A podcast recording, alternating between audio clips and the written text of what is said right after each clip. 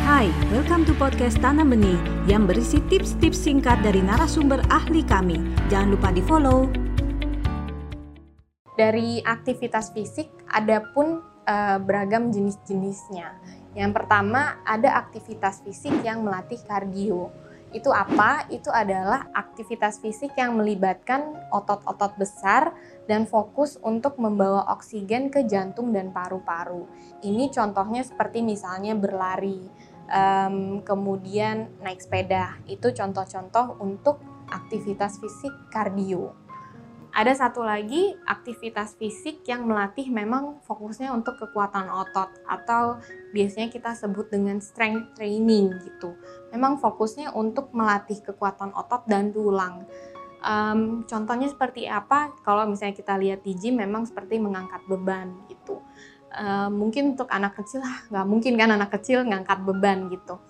Nah tapi tetap si otot dan tulang itu pun harus tetap dilatih. Caranya gimana? aktivitas fisik yang sesimpel ngangkat belanjaan pun itu kan sudah ada bebannya dan itu sudah melatih kekuatan otot dan tulang si anak. Jadi kalau misalnya belanja bareng-bareng, suruh anak untuk bawa uh, tas belanjaan gitu. Um, mungkin jangan yang terlalu berat, disesuaikan juga dengan usia si anak. Oke. Kemudian ya aktivitas fisik yang melatih fleksibilitas. Ini memang aktivitas fisik yang fokus pada tulang persendian, kemudian pada eh, bagian-bagian uh, tubuh tertentu supaya lebih lentur gitu. Contohnya aktivitas fisik yang uh, melatih fleksibilitas itu seperti melakukan yoga. Sudah banyak ada yoga untuk anak-anak juga. Kemudian stretching.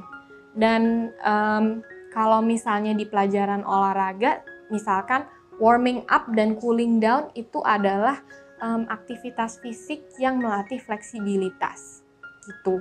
Jadi jangan sampai ketika anak berolahraga jangan skip warming up dan cooling down karena sebenarnya dua hal ini sangat penting untuk melatih fleksibilitas anak dan meregangkan otot-otot yang tegang saat dia berolahraga.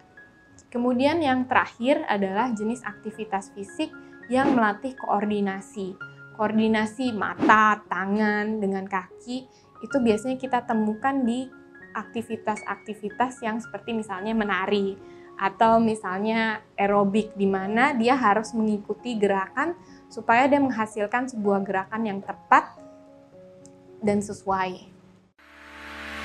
Anda baru saja mendengarkan tips dari Tanam Benih Foundation.